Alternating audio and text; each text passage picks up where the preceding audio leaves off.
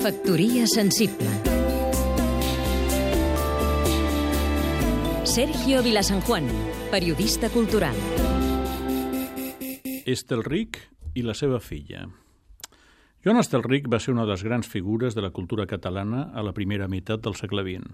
Assagista i gestor, va ser l'home de confiança de Francesc Cambó per a qüestions culturals i va donar suport a iniciatives com el Conferència Club o el Pen Club. També va ser delegat espanyol en la Societat de Nacions, un personatge cosmopolita, amic dels grans intel·lectuals dels seus temps, com Thomas Mann o Jacques Maritain, una figura de gran solvència.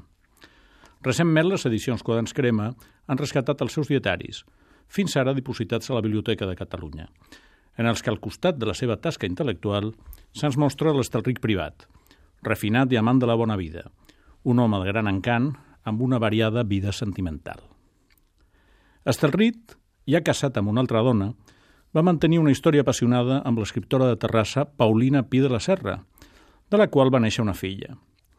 Els pares no van voler o no van poder exercir com a tals i la van donar a una família d'acollida. La nena va créixer lluny d'ells. Amb els anys es va formar com a psicòloga terapeuta i com a escriptora. Ara, Maria Elena Feliu publica en editorial Plataforma la novel·la autobiogràfica Pecat original, on explica, canviant els noms, la història de la seva vida. Sense rancúnia i amb bondat i maduresa. Un testimoni admirable on podem veure una altra cara, la que no mostren els diaris de Joan Estelric. Factoria sensible